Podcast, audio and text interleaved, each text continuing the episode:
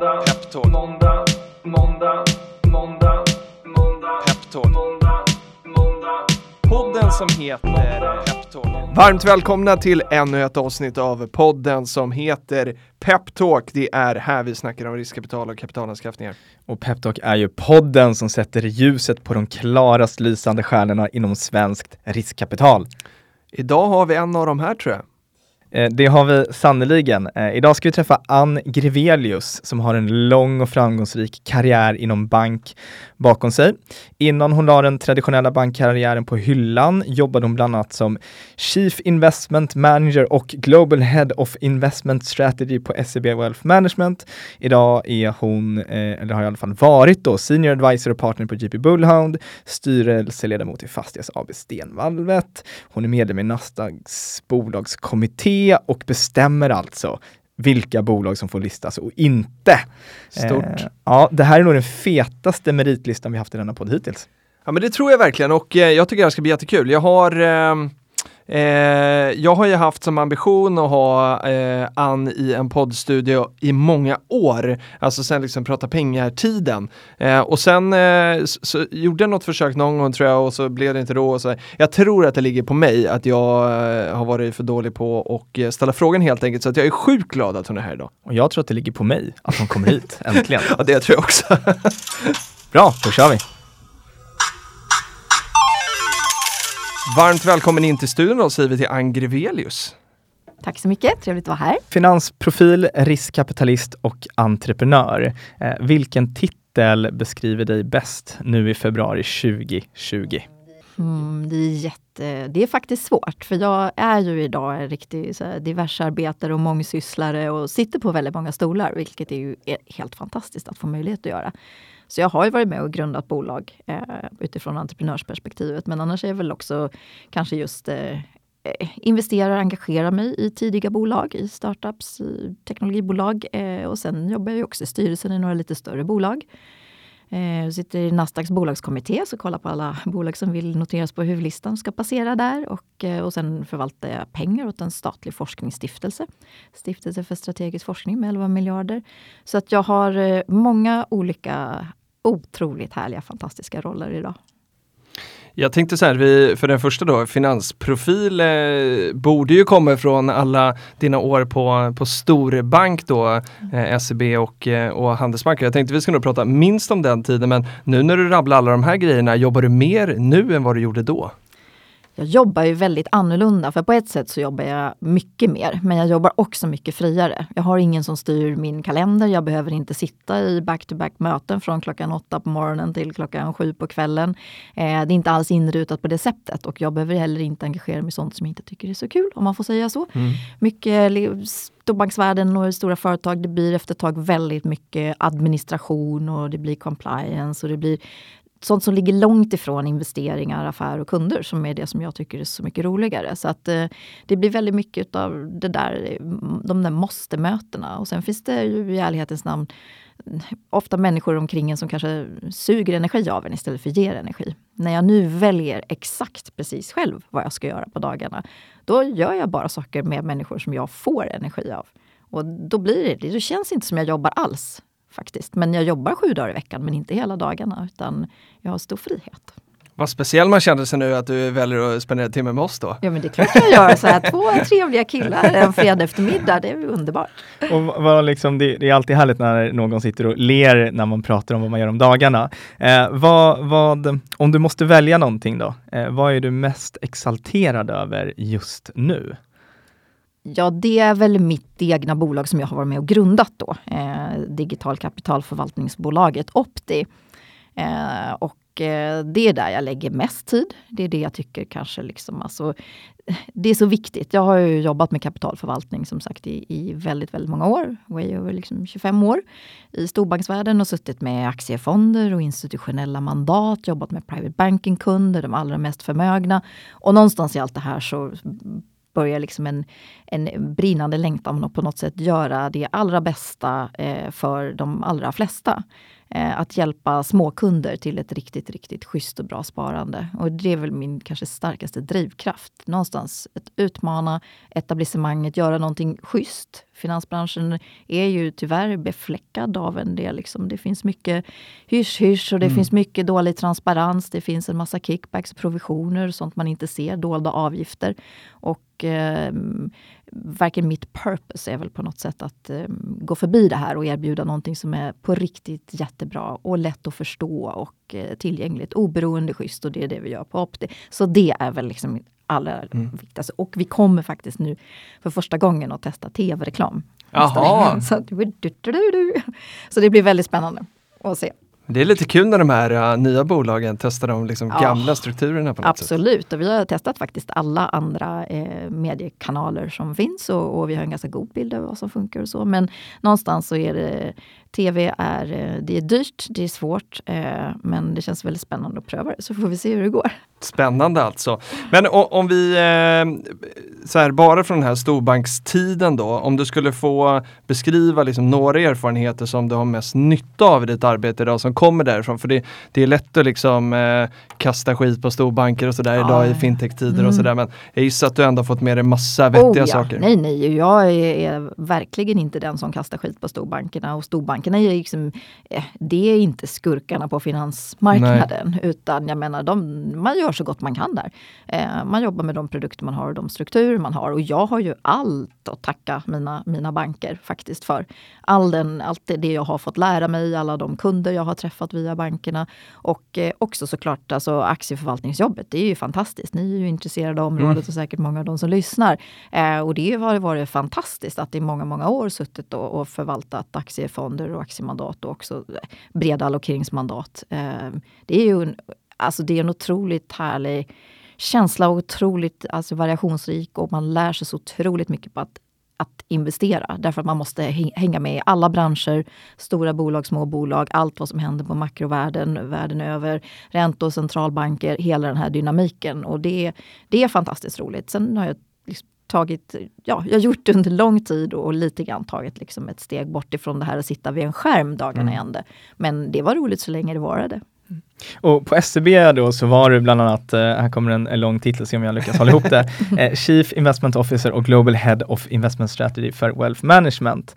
Eh, vad skulle du säga liksom, är de största likheterna mellan att investera från SEB eller institutionellt och på det sättet som du jobbar idag? Ja, det är ju väldigt stor skillnad. Alltså, det är en enorm skillnad vad man investerar i. Eh, om man investerar i, i eh, man säger, likvida eh, tillgångar, vilket det för det mesta handlar om i, i den världen, i fondvärlden, i private banking-världen, institutioner, stiftelser och så vidare. Mesta delen utav det är ju som sagt i likvida, eh, i aktier, räntebärande papper, kanske hedgefonder, men liksom med mycket likvida tillgångar. Eh, idag om vi tänker ur investeringsperspektivet och när jag engagerar mig och investerar i, i små bolag och i startups. Det är ju någonting, det, det är vida skilt även om egentligen är ju aktier samma sak som onoterade mm. bolag. Men det är bara så väldigt, väldigt stor skillnad på var de här bolagen är i sin utvecklingsfas. Så det är många likheter och det är också många skillnader. En kanske sista fråga på storbankerna. Ja, men I de här fintech-tiderna som vi nu eh, lever i och sådär och där man, eh, som jag var inne på, utmålar kanske storbanker som lite mossiga och gamla strukturer och sådär. Eh, finns det någon risk här att man underskattar storbankerna? Nej.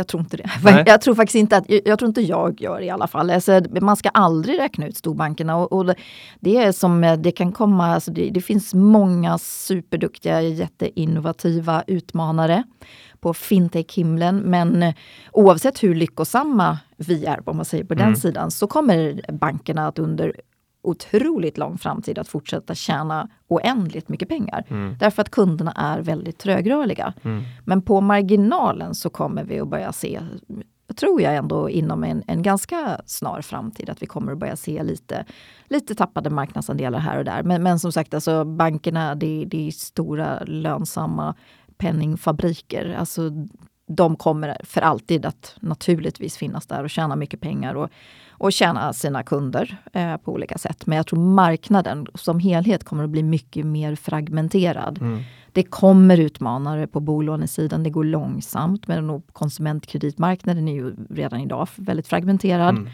Eh, och på sparsidan vet jag ju att vi på Opti och andra eh, ja, gör ganska stora framsteg ganska snabbt. Mm. Men som sagt, marknaden är enorm när det handlar om sparande och eh, lån och eh, även på företagssidan. Så det finns plats för många aktörer. Mm. Och vi kommer komma tillbaka lite mm. till, eh, till Opti här senare. Men 2014 eh, och efter 24 år så lämnar du SEB och sätter, kanske delvis i alla fall, punkt eller ett kommatecken i alla fall för storbanksvärlden eh, och hamnar på JP Bullhound. Eh, vad gör du där och kan man säga att du blev riskkapitalist då? Ja, det kan man nog säga. Absolut. Jag lämnade ju SEB utan att faktiskt veta exakt vad jag skulle göra. Jag visste vad jag ville göra. Jag visste att jag ville jobba med investeringar fortsatt. Jag visste att jag ville komma närmare entreprenörerna. Eh, närmare värdeskapandet och både utifrån att kunna bidra mer eh, aktivt, mer hands-on.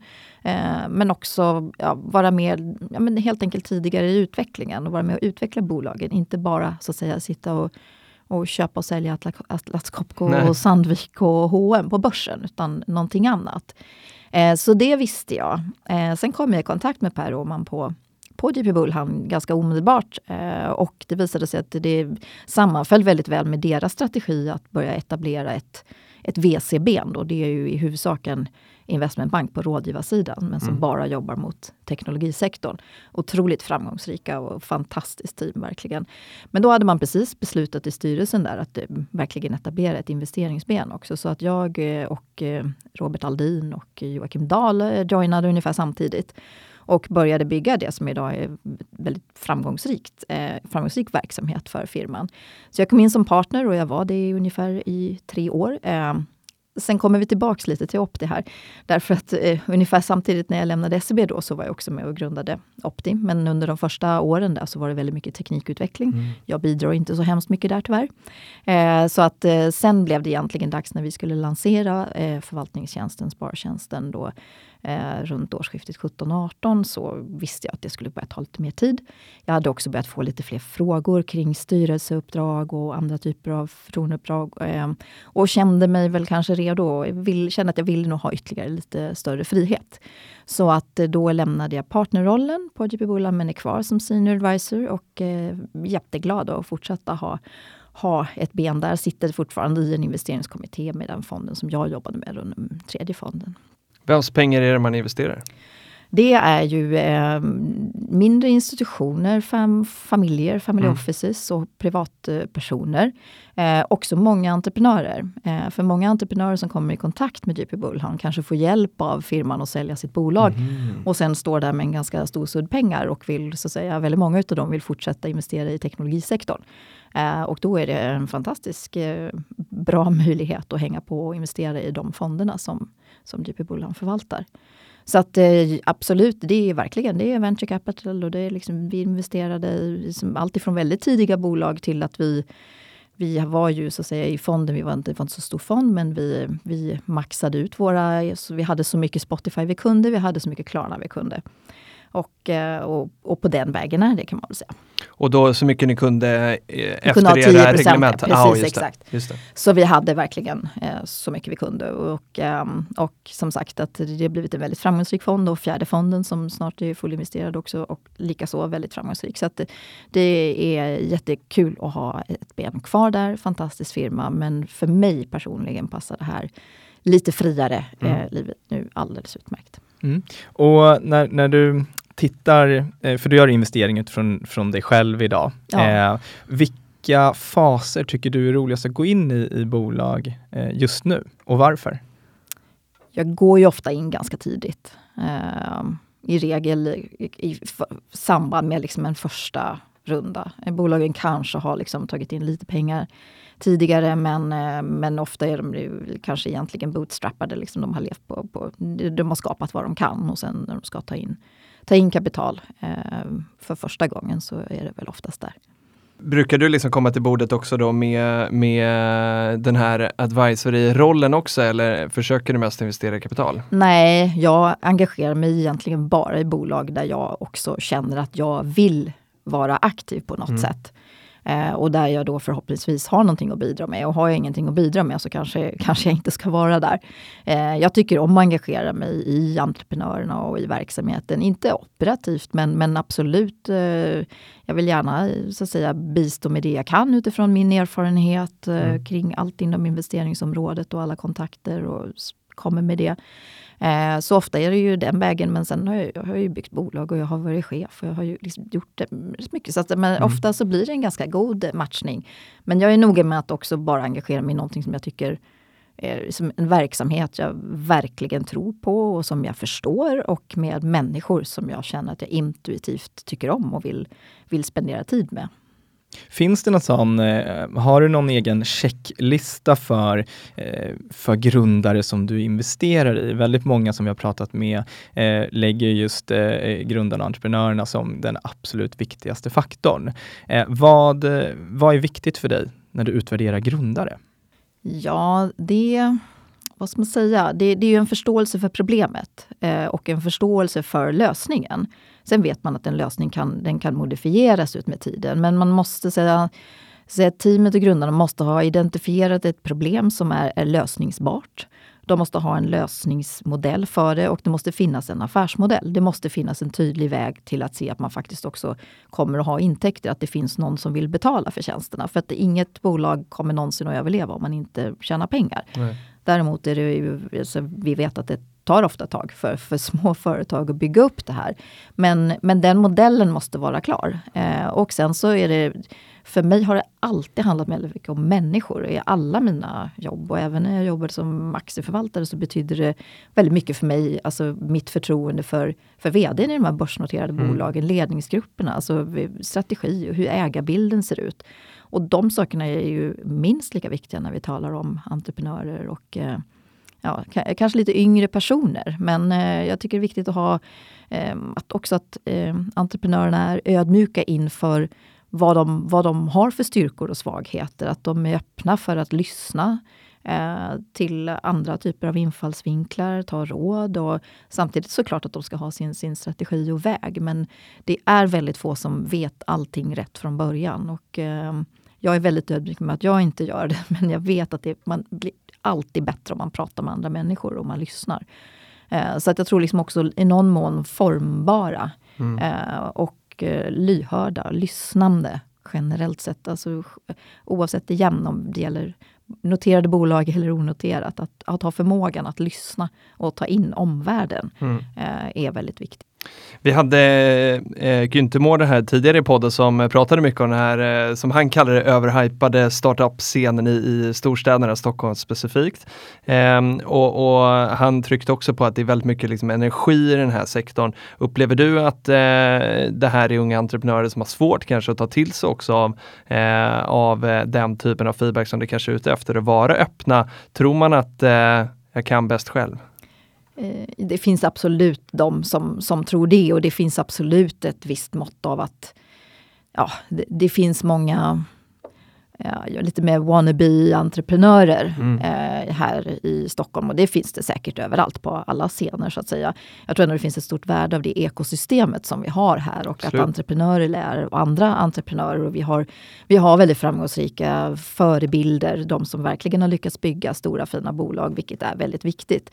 Eh, med det sagt så finns det alla typer av entreprenörer. Det finns de som är väldigt, väldigt ödmjuka och eh, kanske tror alldeles för lite om sin mm. egen förmåga och affärsidé och, eller värdering av bolag. Eller, men det finns också de som är, är, tror att de redan från början har, liksom utifrån powerpointen, har de skapat någonting som är värt 50 miljoner och det tror jag de flesta kanske ganska investerare är ganska svårt att köpa.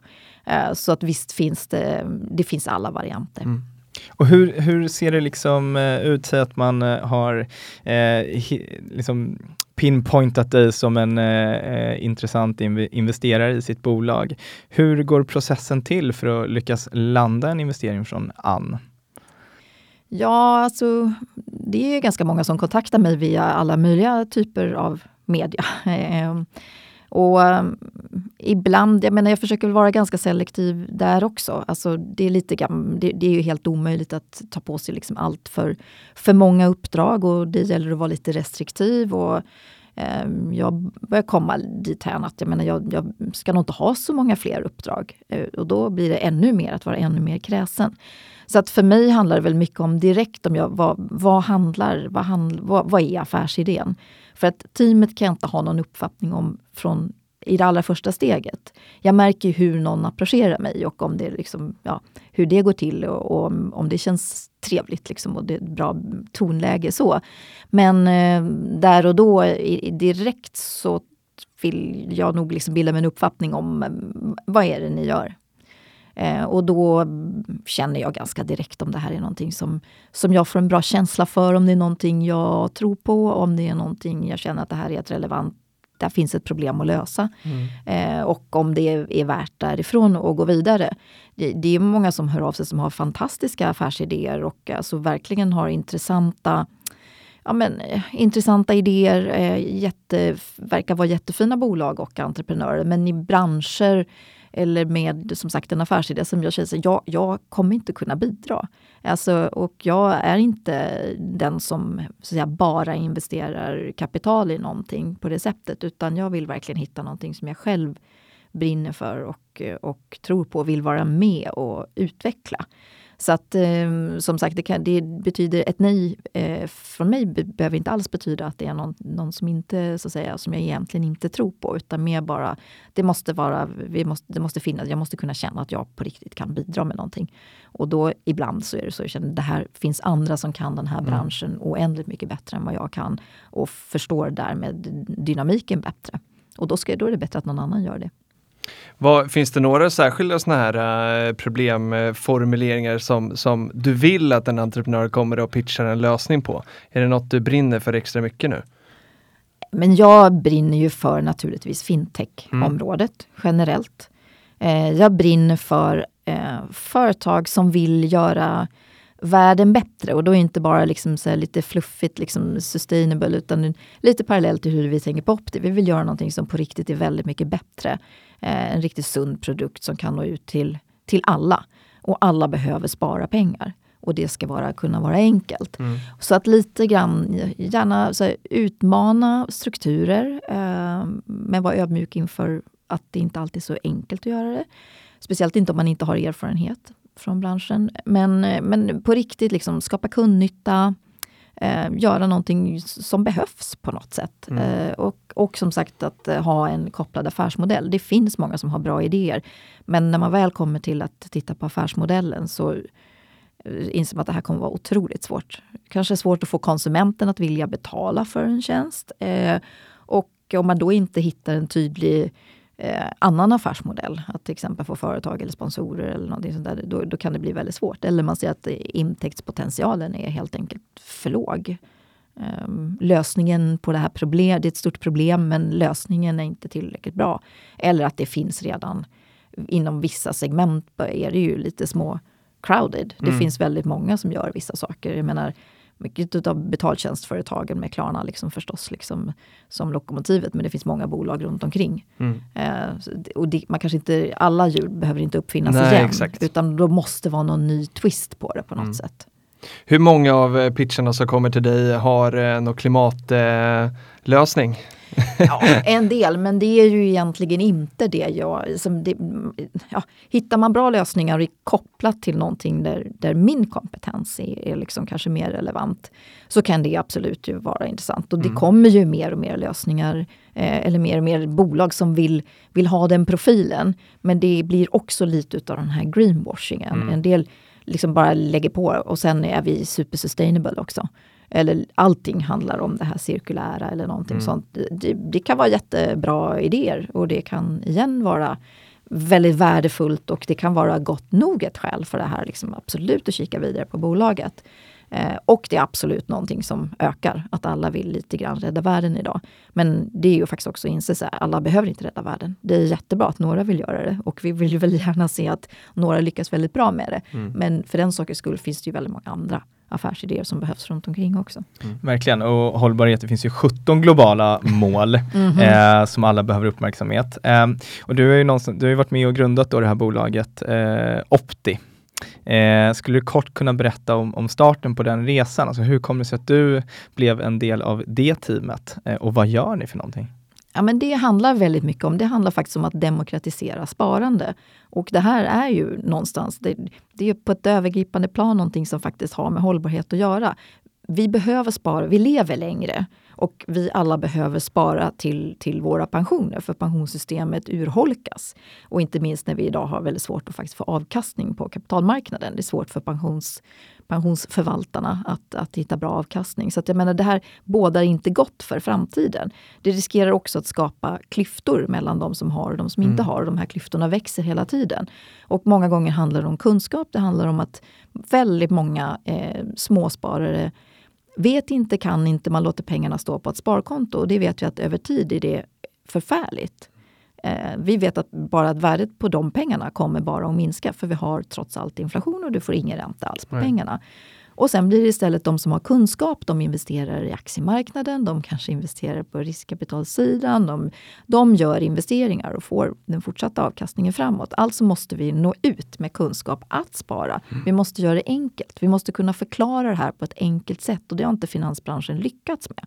Vi pratar en massa kryptiska nyckeltal hit och dit och mm. sen kommer det så här, alla måste liksom investera i aktier. Nej, absolut inte. Alla måste spara och alla måste spara i bland annat på aktiemarknaden. Men fonder är ett utmärkt val. Mm. Så att vi ville göra, jag, efter att ha jobbat med de allra mest förmögna kunderna på SEB, så ville jag verkligen demokratisera det här. Ta de allra bästa lösningarna och nå ut till alla. Och det kan man bara göra om man jobbar väldigt smart, skalbart, digitalt.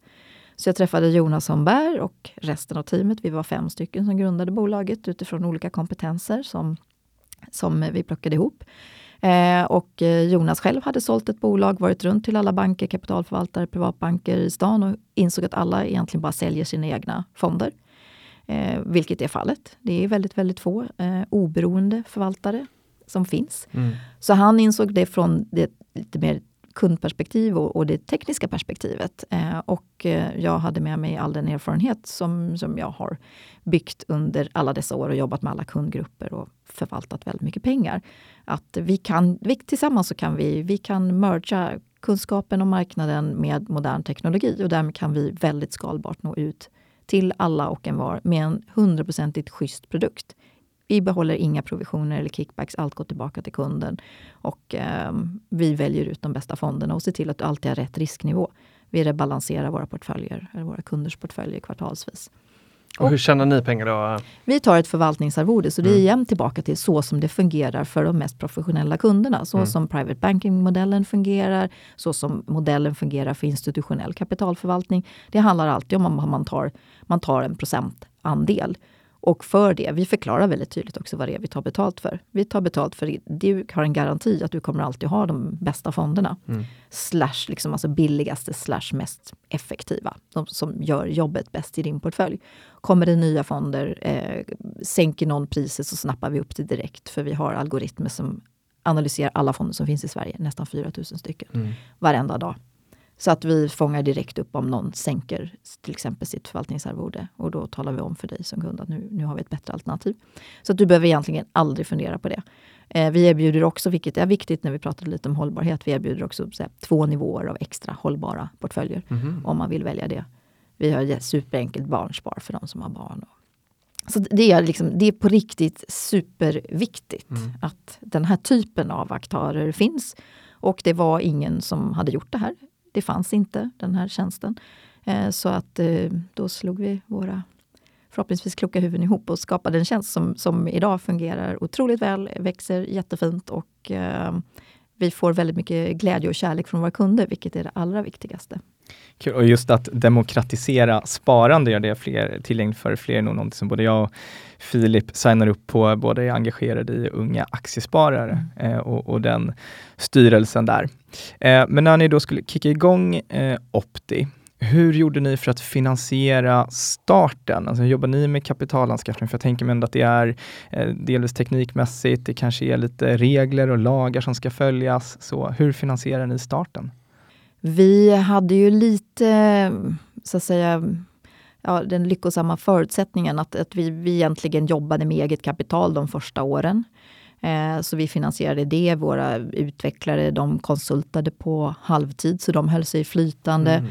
Eh, Jonas och Gustav hade sålt ett bolag som sagt tidigare så de höll sig flytande och jag jobbade på JP Bullhound. Så att jag menar egentligen gjorde vi alla, liksom, ja, vi jobbade väldigt mycket, många timmar och precis som du säger, både teknisk utveckling och sen var det ju tillståndsprocessen med Finansinspektionen som tog mm. väldigt mycket tid. Eh, men som sagt, vi, vi självfinansierade oss under den första tiden och sen 2017 då tog vi in Eh, då tog vi in våra första externa pengar från två familjer. Då, Staffan och Fredrik Persson å ena sidan och eh, Tord Mattias Wilkne. Gamla VM-data. Så vi tog in kapital från de familjerna. Så de har varit med oss eh, sen dess. Så då reste vi 20 miljoner eh, och sen reste vi förra året tillsammans. Eh, först gjorde vi 8 och sen gjorde vi 42. Så att då, vi reste 50 miljoner under 2019. Och hur, hur kändes det att sitta på liksom andra sidan av kapitalanskaffningsbordet? Nej, men det är ju det som faktiskt jag känner. Så jag, har, jag har verkligen suttit på alla sidor runt alla bord nästan vad gäller alltså kapitalmarknad och eh, kapitalförvaltning och entreprenörskap. Att, eh, eh man ska verkligen ha respekt för den processen. Vi kan tycka att vi har skapat det mest fantastiska bolaget med ett underbart mission att verkligen nå ut och göra en bra sak och vara superseriösa, ärliga och verkligen göra, eh, erbjuda en schysst tjänst som vi vet är väldigt bra. Likväl så är det så att alla övertygas ändå inte om att det är just den bästa investeringen. Sen var vi väldigt kräsna i processen hela tiden. Att vi har varit noga. Vi ville bara ha privata investerare i den här rundan så långt. Eh, vi vill inte ha in VC-fonder för att det passar egentligen inte affärsmodellens. Det tar tid att bygga den här affären och vi vill bygga den här affären primärt i Sverige. Väldigt många riskkapitalfirmor eh, ju, vill ju väldigt gärna globalisera mm. tjänster och vill ju att tillväxt ska gå väldigt fort. Eh, och vi säger att vi måste bygga grunden väldigt, väldigt noga.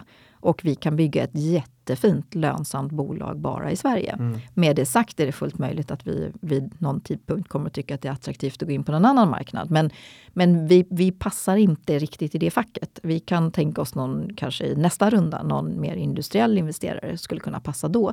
Men hittills så har vi verkligen varit noga med hur vill vi att vårt cap table ska se ut? Vilka personer ska vi ha med oss? Och vi vet att de vi tar in kapital ifrån, de ska vi leva med under väldigt lång tid. Och det är ju, man brukar ju säga, och det stämmer ju väldigt väl, alltså det, det är svårare att, att bryta upp ett, ett, ägande i ett bolag än att bryta upp ett äktenskap. Ja. Att, och det stämmer verkligen. Så att jag menar, därför är det otroligt viktigt mm. att man sitter som entreprenör och funderar över vilka, vilka vill vi verkligen ha på andra sidan mm. bordet? Och känns det inte bra i magen, då ska man inte då ska man inte ta in kapital från dem. Och det är väldigt viktigt att man delar vision och tidshorisont framåt, vad det är som ska hända. Hur snabbt ska tillväxten gå? På vilket sätt ska den ske? Hur ska den utvärderas? Och man funderar över det. Men när man eh, sitter och planerar då för sin ägarlista och, och, och ska ha en sån här eh, liksom rigorös process för att få in rätt människor här. Eh, hur, hur funkar det då? Alltså är det här människor då som, man har, som du har jobbat med tidigare så att man har ett track record på dem eller tänker man att det gick bra för VM-data så att Virknäs, de tar vi in? Ja, nej, men vi är nog rätt noga med att eh, vi har nog bara egentligen pratat med sådana som vi har på något sätt känner eller känner till. Eh, det är ju eh, en, en, en, fördel när man är ett litet land som mm. Sverige att eh, folk känner, de är ganska nära. Mm. Och absolut, en del är ju absolut sådana som jag har känt sedan tidigare och stött på i många kanske olika sammanhang. Mm. Det kan ha varit kundperspektiv och medinvesterarperspektiv. Och det, kan, alltså det finns ju väldigt många olika vinklar på det. Mm. Men, men som sagt, att jag känner mig väl nöjd med, med de som vi har med oss. Mm. Och man vill, det är väl också det här, man vill ha ett, liksom ett lagom engagemang. Vi är väl ändå av uppfattning att vi vet hur vi vill driva bolaget. Eh, sen vill vi självklart ha alltså, support från, från våra ägare. Men vi kan heller inte ha, vi vill inte ha ägare som, som, ehm, eh, som är, blir operativa. Nej. Det är inte det vi söker utan eh, vi har ett väldigt bra nätverk. och väldigt bra kontaktnät runt omkring oss via egentligen erfarenhet att vi har jobbat så väldigt länge med det här. Finns det något liksom då till, säg att, eh, till mig som entreprenör, eh, några tips och råd på kanske frågor eller vad jag ska tänka på eh, inför dess att jag försöker då eh, hitta investerare? För jag kan ändå tänka mig att jag behöver ha pengar och man kan lätt hamna i en situation där man kanske glömmer bort de här andra sakerna. Ja, jag tycker du ska tänka på, egentligen tillbaka till liksom det här lite grann med magkänsla. Att känna att liksom, är det här någon som du vill ha med dig på din resa? Är det någon som du vill ha i ett styrelserum? Är det någon som du vill liksom leva med att de eh, ringer och, och, frågar en gång i veckan eller eh, oftare än så hur det går? Alltså vilken typ av engagemang vill du ha? Eh, och just det här gå på mycket på, liksom, jag är en magkänslig människa jättemycket. En del är mycket mer eh, Excel-orienterade och sifferorienterade. Siffror är jättebra, alltså, men siffror går jätte, faktiskt väldigt lätt att manipulera. Och eh, liksom man kan räkna på, liksom, man kan lägga upp fantastiska kurvor och grafer. grafer och, eh, men egentligen är det bara gissningar mm. det handlar om. Det är ju även så om vi tittar på liksom, och så, aktieanalytiker. Mm. Bara. Så, alltså det är kvalificerade eh, gissningar kan man ju säga. Eh, och ofta tror man att det är jättemycket fakta och man litar på siffror. Men eh, för mig har alltid så att säga, känslan och magkänslan, liksom, vad, vad, tror de här, vad tror det här teamet, vad tror vdn att faktiskt nästa, hur kommer nästa kvartal se ut, hur kommer året att se ut, vad händer på marknaden? Liksom, tolka saker. Mm. Det som är icke sagt är ofta lika intressant som det som faktiskt uttalas i ord. Eh, så på samma sätt, jag tror att det är otroligt viktigt att man känner efter. Sen har man inte alltid den lyxen som entreprenör. Du har inte lyxen av att kanske välja utan du kör, du pitchar så många gånger och för så många personer och en del har du ju själv ingen uppfattning om heller. Men jag tror att om man som entreprenör eh, träffar en investerare som man känner att oh, det här klickar så bra. Det här är verkligen någon vi skulle vilja ha med oss. Då tror jag också att man ska vara tydlig med det och eh, verkligen försöka anstränga sig och ta de diskussionerna vidare. Och då kanske det är någon som man också känner så att få lite tid av den här personen kan vara otroligt värdefullt. Ehm, um, allt ifrån liksom coachning kanske till kontakter eller till att förstå en bransch eller någonting. Så jag tror man ska faktiskt um, ja, inte liksom bara vara helt um, kalkylerande utan verkligen ja, men lyssna på magkänslan, det som känns bra. Apropå magkänsla, vilken är din eh, ambition för eh, Opti? Oh, den är stor. vi, ska bygga ett, eh, vi ska bygga ett 10 miljarders bolag. Okej, okay. och då är det 10 miljarder i ja, market cap då? Ja. ja. vi kan väl göra, kan Avanza göra en sån fin resa så tror jag att vi kan göra det också. Häftigt. Finns det med det en exit-strategi då? Nej. Det gör det inte. Hade Nej, men alltså det här är, mitt, liksom, det här är min baby, ja. det här är det viktigaste. Jag kan inte på något sätt liksom tänka mig att det, att egentligen att det, att det liksom inte skulle fortsätta vara så. Men självklart så är det liksom, vi har absolut inte någon exit-strategi på det sättet. Men vi måste ju ha respekt för att vi har externa investerare mm. som det, det, ja, de kan ju vilja göra någon exit. Men vi är jättetidiga i vår resa fortfarande, även om vi har hållit på ett tag. Vi är jättetidiga. Nu ska vi verkligen se till att eh, eskalera tillväxttakten och eh, se till att vi kan göra ännu större nytta för svenska sparare. Och, eh, och som sagt, vi, vi har inte bråttom. Vi är, väldigt, vi, vi, vi är otåliga men, men vi har tiden på vår sida. Och eh, vi ska bygga någonting som är jättefint. Och det är egentligen inte det är liksom inte vad bolaget exakt ska vara värt, det är inte det viktiga utan vi vill ha många kunder så att vi vet att vi kan göra, göra mycket nytta. Mm. Och det ska vi göra och så ska vi skapa värde. I, tidningar och, och, online och sådär så kan man ju, man får läsa om alla de här framgångsexemplen på bolag som liksom blir flippade. Det tar ett par år och så tjänar man några hundra miljoner både som investerare och entreprenör. Eh, tycker du att det finns ett eller för litet långsiktigt fokus eller för mycket kortsiktigt fokus både hos investerare och startups idag? Eller vad är din syn på ja, det? Ja, jag skulle nog säga det. Jag tror att det finns ganska många entreprenörer som tror att det här är enkelt. Ja, man bara tar in lite riskkapital och sen kör man på och sen så säljer man. Jag, jag tycker egentligen inte om bolag som har en, en väldigt liksom, pratar exit. Alltså man måste naturligtvis förhålla sig till det, men jag tycker egentligen inte att det är liksom ett tidigt bolag. Det, i de allra flesta fall är det ganska långt till den punkten. Det kommer hända oändligt mycket. Mm. Det kommer att vara så många utmaningar på vägen och det kommer också vara mm, förhoppningsvis massa lyckade milestones som man möter och framgångar. Och, men det är väldigt mycket som ska hända på den vägen och ett bolag ska gå från att kanske vara fem personer till att vara kanske 50 personer eller 500. Alltså, mm. och det, det, kommer vara enorma förändringar. Så att jag, jag tror absolut att liksom det många gånger finns en liten tro att det här är en quick fix. Man tror ju kanske att, liksom att Spotify och Klarna, det känns som att de har ju gått otroligt snabbt. Men de är ganska många år gamla vid det här laget. Om man faktiskt eh, kikar efter. Verkligen. Som sagt, de lanserades 2004 och 2007. Mm. Alltså, som sagt, de har, de, naturligtvis har det gått väldigt fort jämfört med många andra mogna bolag vi har på börsen och på liksom, i privata marknaden. Men, men som sagt, och jag tror också investerare många gånger eh, på, på samma sätt tänker sig en väldigt eh, snabb exponentiell utveckling. Alla ser den där liksom, hockeysticken och liksom exponentiella tillväxtkurvan. Men jag, jag, tror liksom alla som har varit med ett tag inser att man, man måste vara tålmodig och eh, allting tar längre tid än vad man tror. Och det kostar mer pengar än vad man tror. Och vad tycker du om värderingarna där ute idag då? Är det har man för hög tro här också och, och för bråttom som Dan säger? Jag tycker väl kanske att värderingar av, av säga, riskbärande tillgångar generellt, mm. alltså om vi tittar på aktier eller fastigheter eller vad det nu vara månne eh, och noterat som onoterat så är värderingarna ju generellt sett ganska höga idag. Och det hänger ju ihop med att det inte kostar någonting att låna pengar. Mm. Alltså kapital är gratis mm. och det finns väldigt mycket kapital. Eh, så att eh, absolut, om något så är ju värderingarna definitivt åt det högre hållet. När det gäller entreprenörer och, och väldigt tidiga bolag så är det ju tillbaka till att det egentligen är väldigt individuellt. Eh, jag tycker, alltså, en del är ju lite väl förhoppningsfulla om mm. vad de kanske har åstadkommit på, på ett år eller så.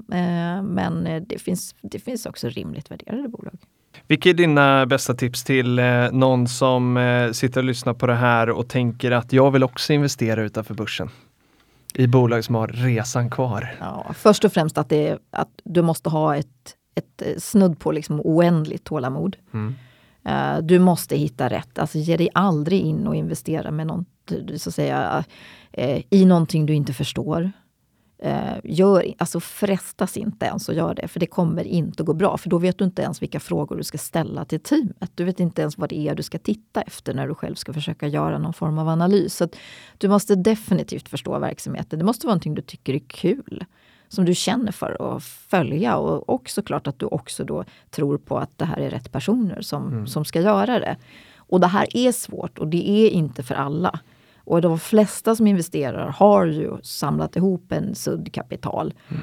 Och man kan inte, man måste verkligen Alltså man, ska inte, liksom, man investerar ju för att det naturligtvis ska bli värt mer. Men i någon mening är liksom, de här pengarna de är absolut låsta. Mm. Och med väldigt stor sannolikhet kommer du inte att se någonting av de här pengarna på kanske 5, 8, 10 år.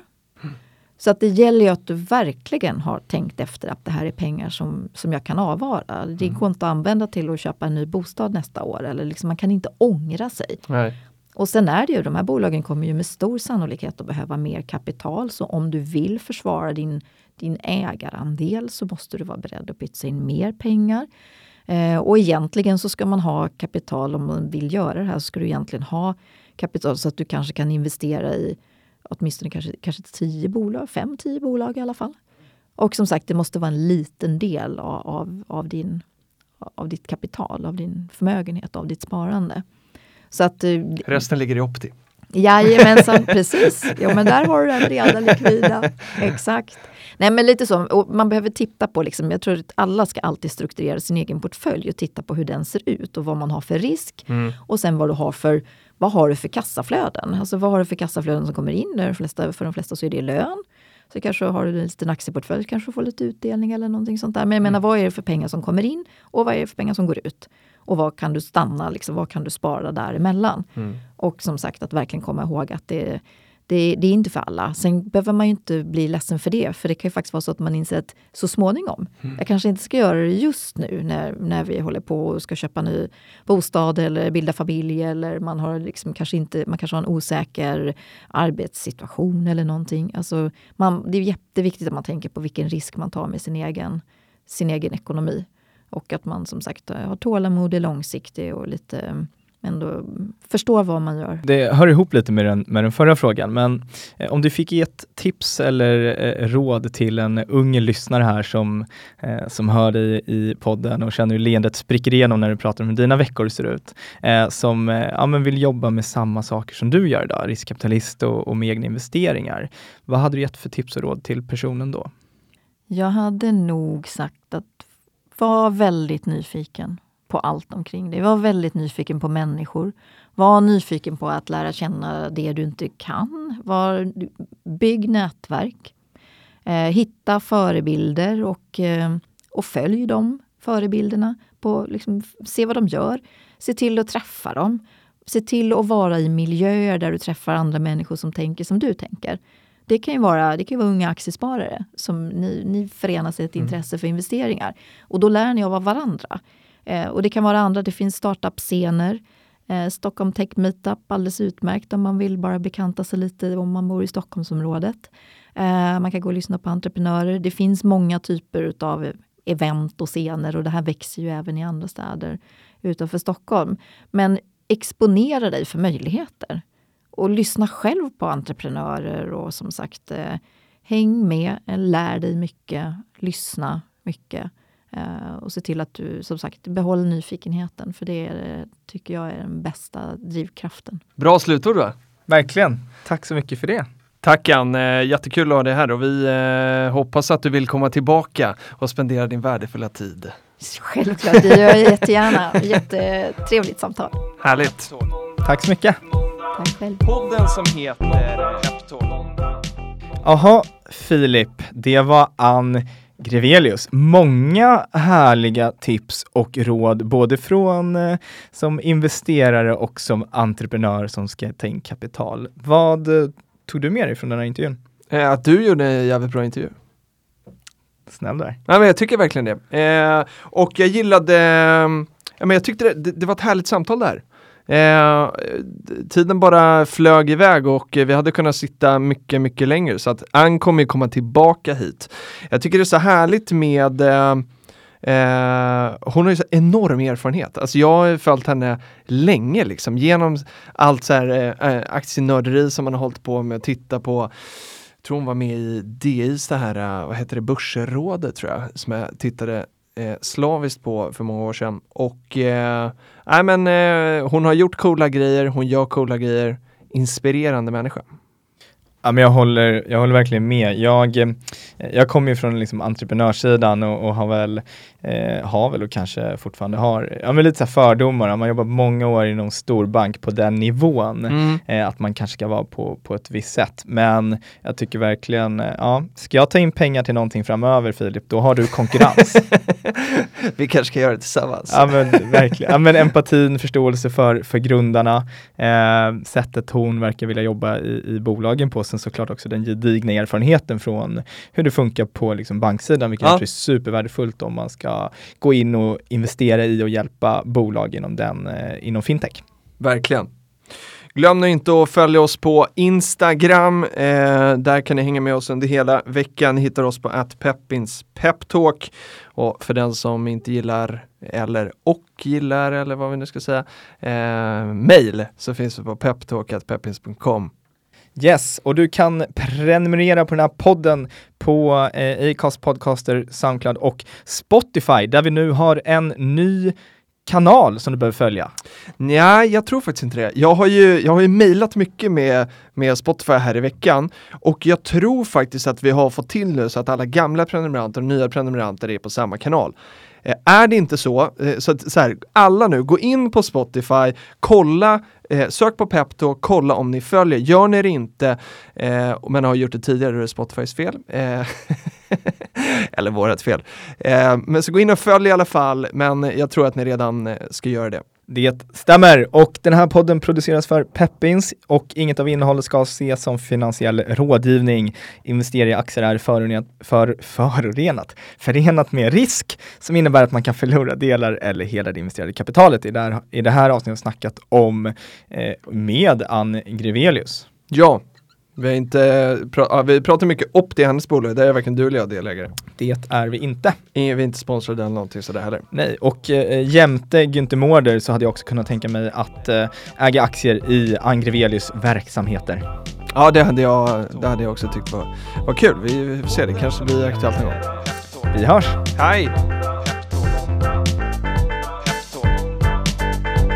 Podden som heter